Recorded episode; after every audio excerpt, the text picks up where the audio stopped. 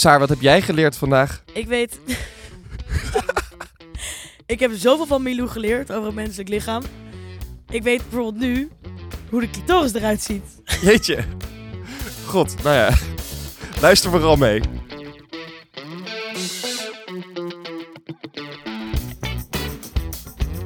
Max, wat is het fijn om weer te zien. Het is weer een lange tijd geleden. We hebben even een, eh een intermezzo gehad. Een intermezzo na onze gap year en eh, dive stories. Toen zijn we gewoon vertrokken. Toen zijn- Toen zijn we zo geïnspireerd geraakt. Toen dat zijn we met Koos meegegaan naar Jordanië. Ik was even in de Rode Zee nog even aan het duiken. dachten- En de sleutel van de studio was nog kwijt. En de sleutel van Milou was ook kwijt. Oh, dat is ook waar, ja. Ja. Die zit hier aan tafel. De enige echte Milou delen. Ja, welkom. Wat leuk dat je er bent. Ja, dankjewel. Hoe is het met je? Goed, ja, heel goed. Ik eh, ben gisteravond teruggekomen uit Londen, dus was ik op vakantie een paar dagen. En nu begint echt een hele, eh, hele drukke weken voor mijn boek, wat de volgende week verschijnt. Dus vanaf nu is het gewoon van hot naar her, naar afspraak naar afspraak. Maar daar heb ik heel veel zin in. Ik ben helemaal ready. Ja, wanneer, wanneer verschijnt die volgende week? Volgende week dinsdag, 10 mei. Wauw. Ja, Ik denk dat een aantal mensen je echt wel kennen. ehm, als feminist, misschien ook activist. Ehm, ik ben ook wel benieuwd naar... Hoe zou jij de vraag beantwoorden, wie is Milou Delen? Eh, nou, eh, gewoon heel praktisch wat ik doe. Ik ben, nou, ik ben 26. Beginnen praktisch. En dan... Ja, gewoon heel feitelijk. Ik ben 26 en ik kom uit Amsterdam en ik woon in Amsterdam. Ik ben journalist en schrijver en ik noem mezelf inderdaad feminist. Want dat is waar ik veel over schrijf. Niet alleen maar, maar wel veel. Oh, en ik heb een, een vriend en ehm, ja, ik heb wel, ja, ja, leuk leven. Ja. Maar je bent ook dus wel, je hebt, de een, eh, je hebt wel een soort activistisch verleden inmiddels. Ja, ja, ja. ja maar zit dat ook in jou? Ja. Als persoonlijkheid? Dat denk ik wel. Ja, dat denk ik wel. Ik heb het wel met mijn moeder erover gehad. eh, Gewoon de afgelopen jaren. Van hoe was ik dan als kind? Ik bedoel, het was niet dat ik toen al op de barricade stond. Maar eh, ik denk dat ik dat toen ook al had. Ik weet nog dat ik elf was en op voetbal wilde. Gewoon met mijn vriendjes. Dus mijn mannelijke vriendjes.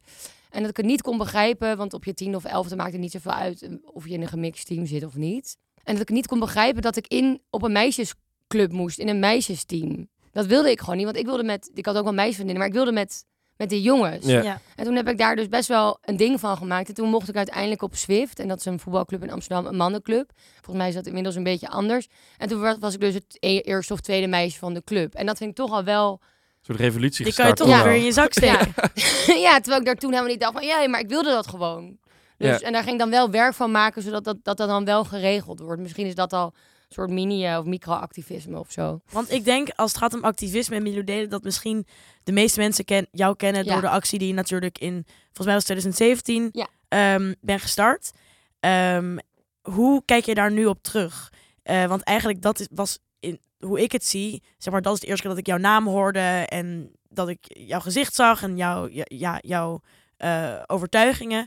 Ehm, is dat echt het startschot geweest van waar je nu mee bezig bent? Ja, echt duizend procent. Ja, want voor de luisteraar, jij had een video gemaakt over slutshaming. Ja. Eh, en dat kwam eigenlijk voort uit jouw tijd anderhalf jaar bij Vindicat in Groningen. Ja.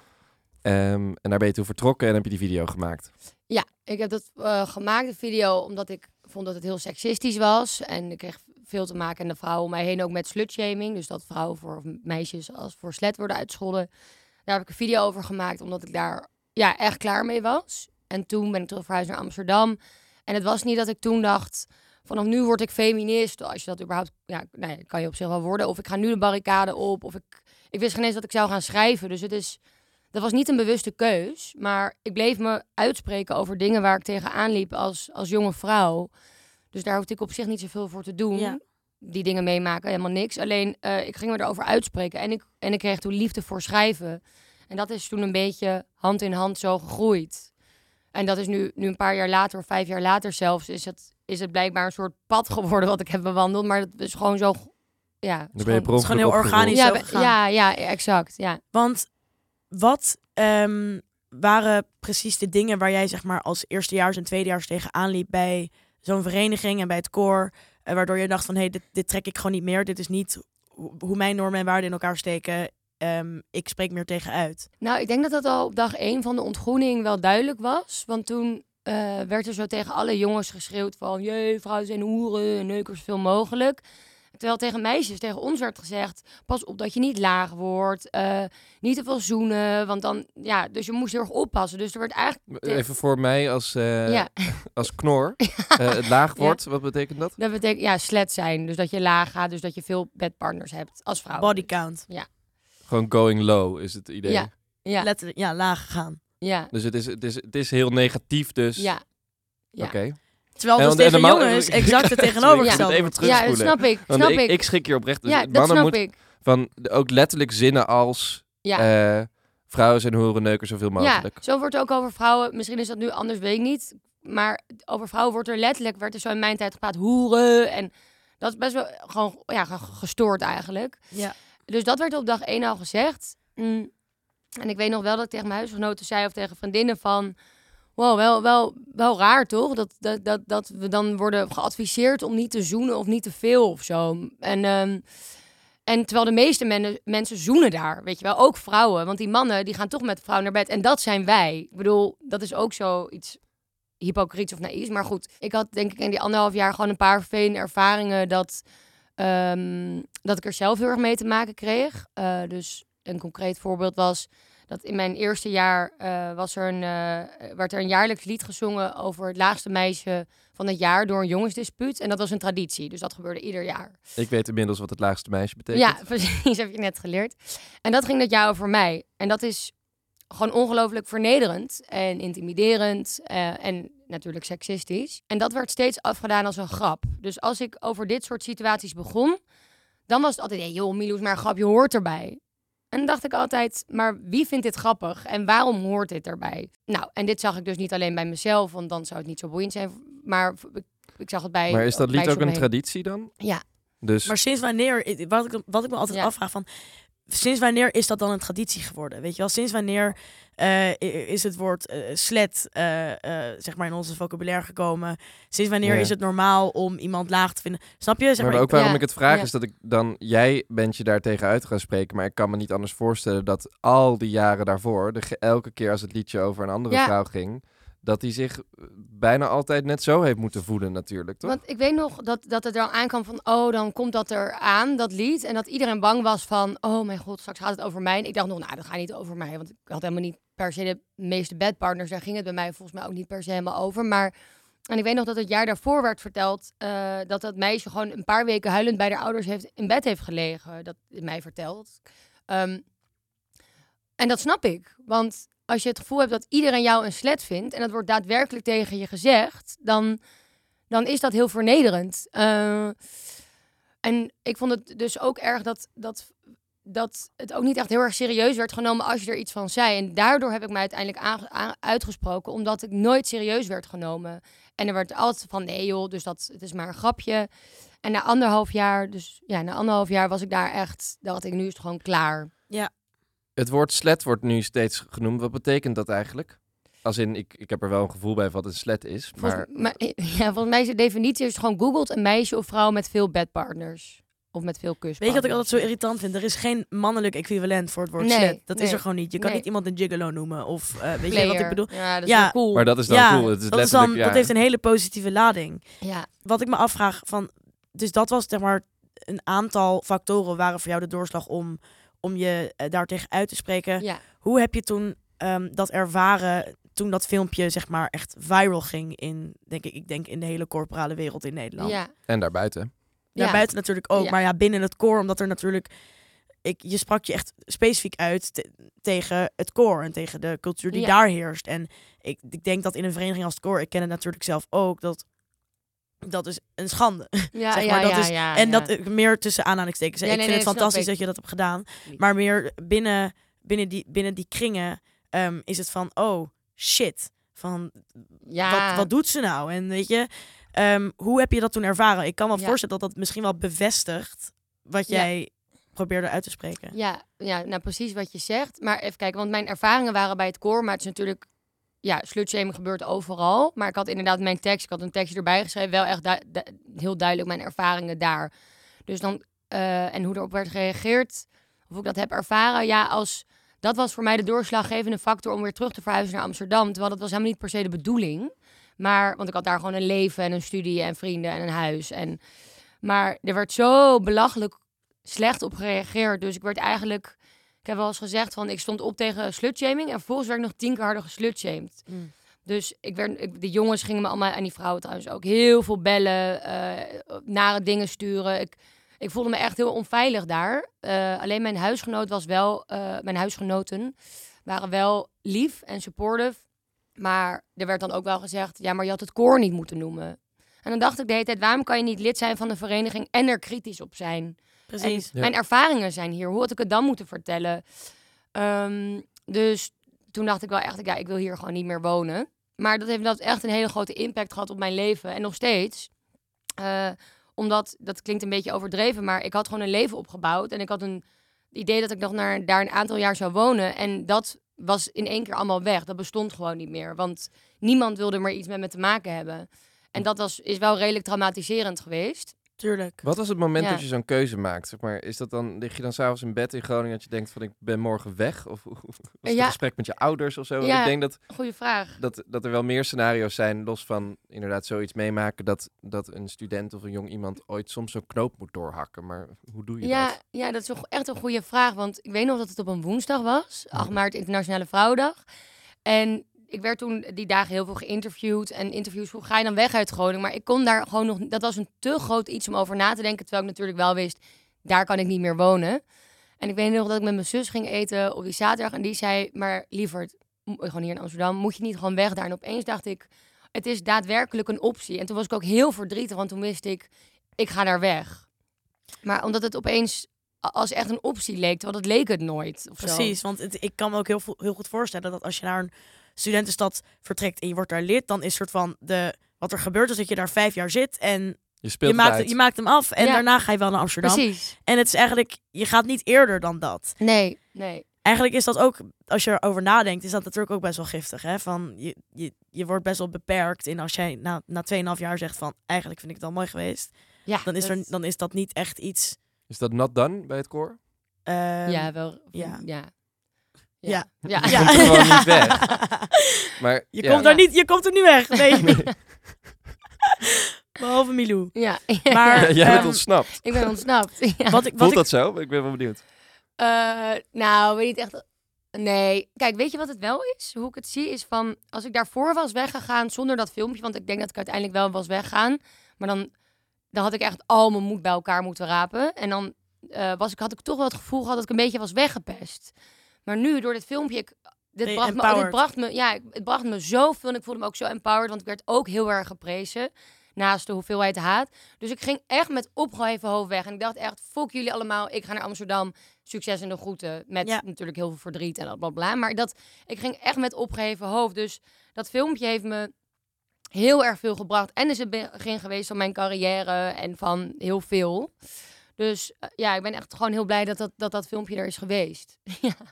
Dat is ook echt supergoed. En ik denk ook wel echt dat dat ook een, een ook wel echt wel een soort movement heeft gestart ook binnen Corpora. Ik weet dat bij onze vereniging is er echt op dit moment, ik, het is ook wel denk ik echt een aanzienlijk nieuwe generatie, denk ik, nadat jij ehm, eh, bent aangekomen. Dat ook nu, weet je, mensen die op dit moment lid worden en die zouden ook dit soort uitspraken horen van hoeren en sletten. Weet je, sommige mensen accepteren dat ook gewoon niet meer. En Wat goed. daar wordt ook wel echt op, op dit moment, weet ik, ook wel echt aan gewerkt. Want Vijf jaar na dato. eh, ja, maar goed, ja, weet je, dat, dat, er, er moeten altijd veranderingen blijven praat, plaatsvinden. En er moeten altijd whistleblowers blijven zijn die dat, eh, die dat eigenlijk ook aanstichten. Dus dat is supergoed. Want ook als het gaat om bepaalde dingen die we zien als, weet je, traditie of dingen die we gewoon maar normaal vinden. Wat ik, waar ik het net met Max over had. Dingen als gala's. Weet je, als je daar even goed over gaat nadenken. Ehm, tenminste, hoe ik het ervaar en denk ik hoe heel veel meisjes het ervaren van een jonge beltje en eigenlijk moet je al gaan nadenken van oké, er is enige verwachting dat je met die jongen naar bed gaat. Of je slaapt in ieder geval met z'n twee op een kamer. Ehm, dat zijn al allemaal dingen die je in overweging moet nemen voordat je ja zegt op zo'n gala. En ik had het hier een tijdje geleden over met mijn vader. Hij was eh, vroeger ook lid geweest in Utrecht. En die zei van, hè, wij boekten altijd gewoon twee hotelkamers. Eentje voor je date en eentje voor jezelf. Oh Want ja. je mocht niet eens insinueren dat je ook maar hoopte dat, het- dat je met dat meisje naar bed ging. Ik vind Snap dat ook, ook Ja. echt raar. En, En- ook maar eigenlijk dan- stom. Dan Want vraag ik me zo erg af van wanneer is dan veranderd van nee, we gaan gewoon met Ja. z'n allen op één kamer En je zegt maar gewoon ja. Als je niet wil, dan ga je niet mee. En Maar dan dat is ook ik zo zonde, anders. want Ja. daardoor kan je ook eigenlijk niet op date gaan naar een gala met iemand waar je dat nog niet zeker van weet. Of waar je het gewoon heel leuk mee hebt, maar een soort van die hele optie verdwijnt. Maar waardoor je dus ook je- sneller nee gaat zeggen. En Dan, maar heel ik. vaak ken je je date, want dan, ik werd wel eens dan gebeld door anderen, dus dan word je door een andere stad gebeld door een jongen en dan moet je maar inderdaad, die ken je dan nog niet. Maar ja, En Oh, dan, je- hoe, hoe heet je? Hoe heet je? Oh Ja. ja, oké. ja en dan Dat is een naam waar ik wel naast wil liggen. ja, dat is dan de afweging, neem Ja. ik aan. Anders ja, ja, bizar hè? Ja, dat is, ja, ja. ja, op. Ehm, jij hebt Maar wel eh, goed, eh, nog even om te ja? wel goed om te horen dat er wel aandacht aan wordt besteed. Dat is wel, eh, Zeker, zeker. Ik weet nog dat ik ook na mijn, eh, in mijn groentijd werden er ook echt uitspraken gedaan waar ook echt, dat, dat ik ook nog weet dat dat in mijn soort van appelrij, weet je, na- naast wie je dan allemaal zit, dat ook echt alle meisjes naar elkaar keken van, gebeurt het nou echt? ja. Weet je, ook dingen als hoeren en dat is nu allemaal al veranderd. Er- Zeg maar, dat is echt daar, dat is echt supergoed. Ehm, maar dat ik, zeg maar, dat dat ook niet meer echt normaal, als normaal werd gezien, Ja. weet je wel? En dat is wel, ehm, daar ben ik wel blij mee dat dat ook wel nu op, ja, het, het slowly, slowly but surely. Ja, ja. Ehm, maar, ja, wat wilde jij zeggen? ik wil vragen, je hebt een tatoeage van een krab op je arm. Oh ja. En oh, laat zien. ja. Oh, heel cool. Ja. Heeft dat te maken met het boek wat je hebt geschreven? ja. Is dat, is dat de re- ja? Ja, ja, maar, ja, dit heb ik op de dag dat het verscheen volgens mij laten zetten. Met degene die, eh, met wie ik het heb geschreven. Ja, dat is, dat is je vorige boek, dus niet het boek Ja. wat nog uit gaat komen. Ja, Krabben kwam precies twee jaar geleden uit. Kan je er iets over vertellen? Eh, Ook misschien in relatie tot waar we het net over hadden. Ja, krabben is eigenlijk een metafoor voor andere vrouwen, die, voor vrouwen die andere vrouwen omlaag halen. Naar beneden krabben. Ehm, de metafoor is eigenlijk als je één krab in een mand hebt, dan kan die er makkelijk uitklimmen. Maar, en dit, is dus, dit is echt zo, dit doen krabben echt. Mhm. maar zitten er meerdere krabben in een mand en eentje wilde, wil eruit ontsnappen, dan krabben die andere haar omlaag. En zo blijven ze allemaal in de mand. En volgens mij wat er met mij is gebeurd in Groningen, we zaten allemaal in die mand en ik sprak me uit, want ik ja, was de normen aan het bevragen daar. En dus werd ik naar beneden gekrapt. Dus, Mm. en daar heb ik een boek over geschreven met Daan Borrel, schrijver. Weet je eigenlijk, eh, voordat we erop Ja. doorgaan, waarom krabben dat doen? Of is dat gewoon Nee, een nee, soort waarom de raar- dieren, dieren... Nee, dat weet ik niet. Waarom de dieren, ja, dat doen ze gewoon. Ja, een soort collectief blijven Ja. en dat ze dat bij elkaar houden. Ja, ja. Oh, Ja. wauw. Ik dacht dat het gewoon, dat de naam kwam van vrouwen krabben gewoon naar elkaar. Zeg Ja, maar, dat een is soort, me- met een soort ja. klauw. Begrijp je wat ik Nee, bedoel? ja, nee dat, dat, dat, is- ja, het is eigenlijk een dubbele betekenis. Dus ook zo, maar dat is een beetje een stereotype, want dat doen vrouwen niet echt. Maar, ja. of heb ik nog Maar nooit krabben in gezien? een mand is echt. Nee, dat, ja, de metafoor is wel Mhm. echt zo, ja. Ja. Dus daar staat het vooral voor. Maar het gaat dus ook vooral, zeg maar, de, de, de, de boodschap is dat vrouwen elkaar voornamelijk ook naar beneden halen ja, en natuurlijk. Dat- veroordelen. ja. ja. Wat zou er daaraan kunnen veranderen? Ehm, ja, eh, even denken hoor. Want de, waarom, waarom we krabben, eh, als ik de conclusie heel kort kan uitleggen, eh, is omdat er minder ruimte, of minder ruimte is voor vrouwen. Daar heb ik hier. Even kijken, heb ik nog een tattoo? Even kijken. Er komt nog een tatoeage nog aan. een tatoeage. Even Ik hou ervan dat alles een betekenis heeft. Vind ik Oh ja, heel even cool. kijken. Hier staat. Neem ruim. Neem ruim, staat op je schouder. ja, eh, heel leuk. Die heb ik met mijn ouders laten zetten. Maar, en, ehm, Heb je ouders hem ook? Of? nee, nee. nee, Heb ik met mijn ouders laten zetten. Papa heeft neem ruim op zijn bovenbeen staan. Vader is 74, heel grappig. maar ehm, nee, dus de, de conclusie is eigenlijk dat er minder ruimte is voor vrouwen in deze wereld. Dus een ongelijkwaardige wereld waarin er nog steeds minder ruimte is voor vrouwen om, om boos te zijn of om geil te zijn of om ambitieus te zijn. En omdat er voor, voor vrouwen minder ruimte is, houden vrouwen elkaar omlaag. Dus het is niet van dat we krabben van nature zijn, maar we worden tot krab gemaakt. En dat vind ik een belangrijke nuance, want vaak zeggen mensen, oh ja, vrouwen zijn nou eenmaal zulke bitches. Ja, dat zijn ze nou eenmaal. Ja, zulke. En dan denk ik, nee, dat zijn, we zijn dat niet zomaar. Ik bedoel, Ja. dat komt ergens vandaan. Het is, het is een maatschappelijk iets. En wat we eraan kunnen doen, nou ja, dat is dus een heel groot vraagstuk, omdat het over heel veel gaat. Maar we hebben in ons boek allemaal concrete tips wat je kan doen om vrouwen naar voren te duwen. Heb je er een paar? Nou, wat ik bijvoorbeeld in mijn leven heb gedaan, is iets heel concreets. En dat zullen mensen stom vinden, maar is dat ik eh, vaak vrouwen naar voren duw, letterlijk. Dus ik heb een vrouwelijke boekhouder, ik heb een vrouwelijke psycholoog. eh, ik zat bij een vrouwelijk management, dat is nu, eh, dat is nu even anders. Maar ik heb een vrouwelijke, eh, eh, als ik een loodgieter, dan bel ik een vrouw. Als ik een fotograaf moet meenemen voor een stuk, bel ik een vrouw. Dit is allemaal even een beetje werkgerelateerd, maar...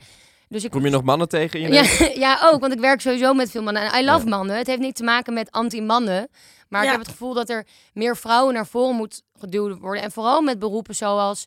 Oh ja, een goed voorbeeld. Deze krap. Eh, ik, had, ik dacht bij een tatoeëerder eerst aan een man. Dus ik had gewoon een mannelijke tattoo shop hier in Amsterdam gebeld. Toen dacht ik, ja, wacht even. Om uit die man te komen, moeten we onze vooroordelen bevragen. En mijn vooroordeel is dat een tatoeëerder een man is. Ja. Heb ik afgebeld en bij een vrouw laat zetten. Ja. En Dus, het is gelukt. Ja, ja, het is gelukt. Dus ehm, dat is iets heel concreets. Maar er zijn ook heel veel, an- ja, heel veel andere tips. En, ehm, ja, en het vooral gewoon dus krabben lezen. Maar ook het daadwerkelijk niet meer doen. En ook als, als je met een groep vriendinnen bent en ehm, een vriendin zegt... Ja, eh, ja, zo stond die Instagram-foto's. Het gaat vaak over uiterlijk natuurlijk. En hoe iemand zich presenteert op Instagram. Of over iemands seksualiteit. Zeg er iets van. Of vraag van, waarom zeg je dat? Want dat gebeurt heel veel onaardige opmerkingen over andere vrouwen, ook in vriendinnengroepen. Terwijl, ja, Ja. het is gewoon veel. Het zorgt voor een onveilige sfeer. Want op het moment dat jij er niet bent, weet je ook dat het over jou gezegd kan worden. Ja.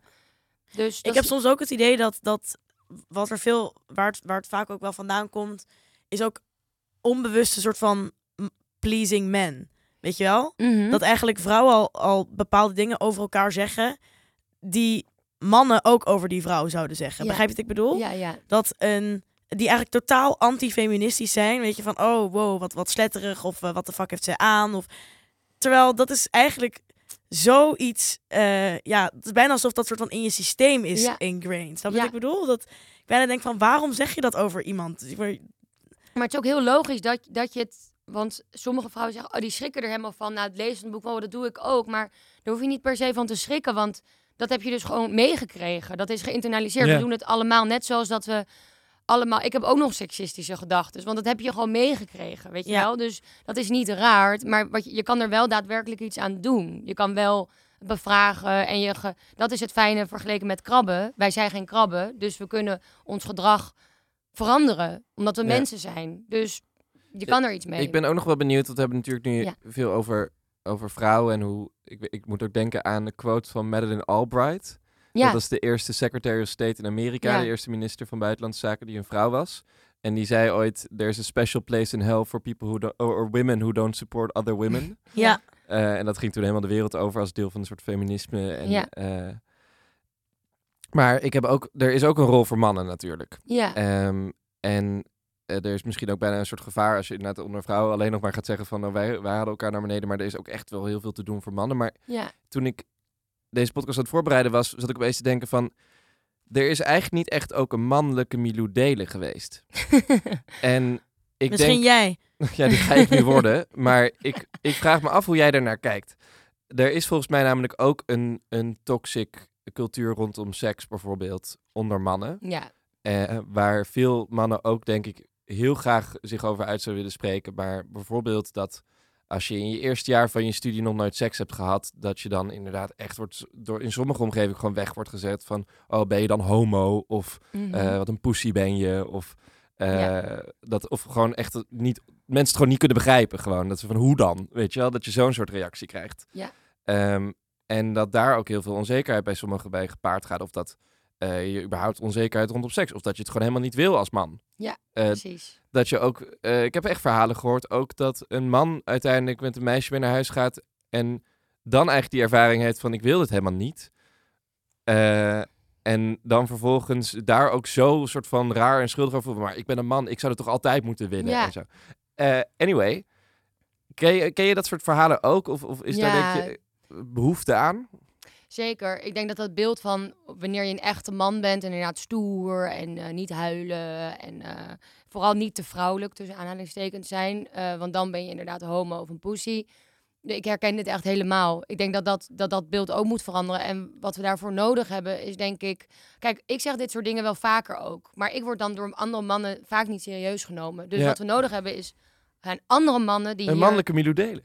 ja, maar ik snap wel dat... Kijk, het feminisme is denk ik voor vrouwen nog noodzakelijker. Want omdat wij er meer onder te, te lijden hebben onder seksisme. Maar betekent niet dat voor mannen ook er heel veel te winnen valt. En het is ook een bevrijdingstheorie voor mannen, denk ik. Maar ja, we hebben dus mannelijke feministen nodig. Of mannen die zich erover Maar uitspreken. ja, waarom ik het ook Ja. opbreng is denk ik dat er ook een oplossing ligt in, ehm, in het seksisme tegen vrouwen. Als mannen eh, die cultuur wat meer durven los te laten en zich daartegen uitspreken. Want ik denk Ja. namelijk ook veel mannen die de dingen roepen, dat die ook meegaan met een cultuur waar ze zich eigenlijk diep van binnen heus niet zo trots op voelen. Weet maar ik zich- zeker. Dus, dus ik bedoel meer eigenlijk te zeggen dat als, als die mannen dat ook los kunnen laten en die onzekerheden durven te tonen, dan wordt het een veel beter gesprek, denk ik Ja. gewoon. Ja, zeker. Ik ben het daar helemaal mee eens. Ik ben, daar valt echt nog ook heel veel te winnen. We hadden het Ja. net al over eh, het voorbeeld wat jij noemde, eh, Max, dat mannen ook soms binnen seksuele ervaringen ja, zich misschien niet helemaal durven uitspreken voor hetgene waar zij voor staan of wat voor hen prettig is.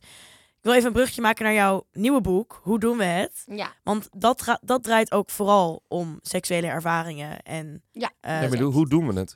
ja, ja. ehm, nou, we doen het dus. eh, dit, ik, eh, in mijn boek eh, spreek ik voornamelijk, of spreek ik eigenlijk alleen maar vrouwen. Dat betekent echt niet dat het. Ik denk dat het ook ongelooflijk leerzaam en goed is voor mannen om het te lezen. Als je, ja, sowieso, maar vooral misschien als je met vrouwen naar bed gaat. En hoe doen we het? Ja, we doen het dus veel minder goed dan we denken. Eh, want alle vrouwen die ik heb gesproken in mijn boek lijden meer onder de seksuele ongelijkwaardigheid die er is dan ze van tevoren dachten, inclusief ikzelf. Dus we hebben, eh, we, zeg maar, vrouwen hebben vaak pijn tijdens de seks. We krijgen geen goede seksuele voorlichting. We komen weinig klaar. hebben veel te maken met seksueel overschrijdend gedrag. Zo zijn er allemaal thema's die, waar, daar, waar, denk ik heel veel vrouwen, misschien wel alle zich in herkennen. Betekent niet dat er ook dingen beter gaan. Zoals dat, ik bedoel, seksueel overschrijdend gedrag wordt veel meer bijvoorbeeld bespreekbaar gemaakt. En er gaan ook heus wel, we we- veel vrouwen weten nu wel hoe de clitoris er daadwerkelijk uitziet. Dus het is niet het topje van de ijsberg, maar het is een heel orgaan wat hier helemaal zit. Dat weten heel veel vrouwen niet. Terwijl het is je, het is je clitoris, weet je Ja. wel. Het is je de eerste keer dat ik dit hoor. Ja, ja? Ja. Oh mijn god, moet je zo even opzoeken. Ja, Moet je even googlen. Cl- Clitoris is zo'n groot ding, maar je ziet een kleine dingetje. Ja, gestoord. ja nou, en dit weet je niet, terwijl je bent... Wat je allemaal niet leert bij de keuze. echt. Ja, nee, Ik wil maar echt een uur lang met Milou praten. En terwijl als je goed wil klaarkomen, is het ook fijn om te weten hoe dat werkt, weet je wel? Nou, ongelooflijk belangrijk. Ehm, dus er zijn allemaal... Net zo goed voor mannen belangrijk. Ja, nou ja, precies. Ehm, vrouwen faken, ga- faken va- vaak orgasmes, omdat ze dus niet klaarkomen van penis en vagina seks is echt de, dat is eigenlijk seks voor, voor he- hetero koppels. Terwijl vrouwen komen er heel vaak niet klaar van. Dus wat doen vrouwen vervolgens is faken. Ja, daar wordt niemand gelukkig van of beter van. Ehm, dus goed, nou, hoe doen we het? Het kan veel beter, er gaan dingen goed, maar er is echt veel werk aan de winkel. En ik heb eh, dus vijf of veertien bekende Nederlandse vrouwen erover geïnterviewd. Plus mijn persoonlijke zoektocht er doorheen. En dat verschijnt dus volgende dinsdag. Wauw. Ja. Ik ga hem lezen. Ja, vet. Ja, nou ja, zou ik zeker doen. Ja. Was er een soort, een, soort, een soort rode lijn te vinden in de verhalen? Of, of was het allemaal heel erg verschillend? Want je hebt echt heel veel verschillende mensen geïnterviewd. Ehm, wat ik denk ik, wat de rode draad was wel, dat ik denk dat we, eh, dat wat ik net zei, dat vrouw, de vrouwen allemaal meer lijden onder de seksuele Ja. ongelijkwaardigheid dan ze van dachten. En wat ik juist heel leuk vond, omdat ik zelf opgroeide met zo weinig verhalen van vrouwen over seks, was dat ik heel erg het vrouwelijke perspectief, de female gaze, miste. Ja, ja. Dus ik verbaasde me soms ook over hoe anders deze vrouwen over dingen dachten dan ik. Omdat, Ja. omdat ik zo weinig met vrouwen over seks praat, echt over seks praat. Dus ik vond het juist ook heel leuk dat het dus zo anders was. Natuurlijk, want vrouwen zijn heel anders, weet je wel, dan elkaar. Eh, Maar dat, dat, vond ik zo, dat vond ik ook heel vet. Ja, Wauw, nou, ik kan niet wachten om het te lezen, Milou. leuk. We moeten een beetje gaan afronden, maar ik vond het echt een super leerzaam en fijn gesprek. Dankjewel. Ja. Ja, jullie ook denk ik. Dus het boek Hoe doen we het komt uit op 10 mei. 10 mei. Ik kan het nu al bestellen. Of ik weet niet wanneer dit. Pre-bestellen. Ja. Pre-bestellen. Pre-bestellen. Ja, dat kan toch? Pre-order? Ja, pre-order. Pre-order. Pre-bestellen nou, ik ik ga, hem even, ik ga hem even pre-bestellen zo. Oké. Dankjewel Milou voor alles. Ja, en jullie ook, ehm, we spreken elkaar geit nog een keertje. Ja. Heel veel succes, dankjewel.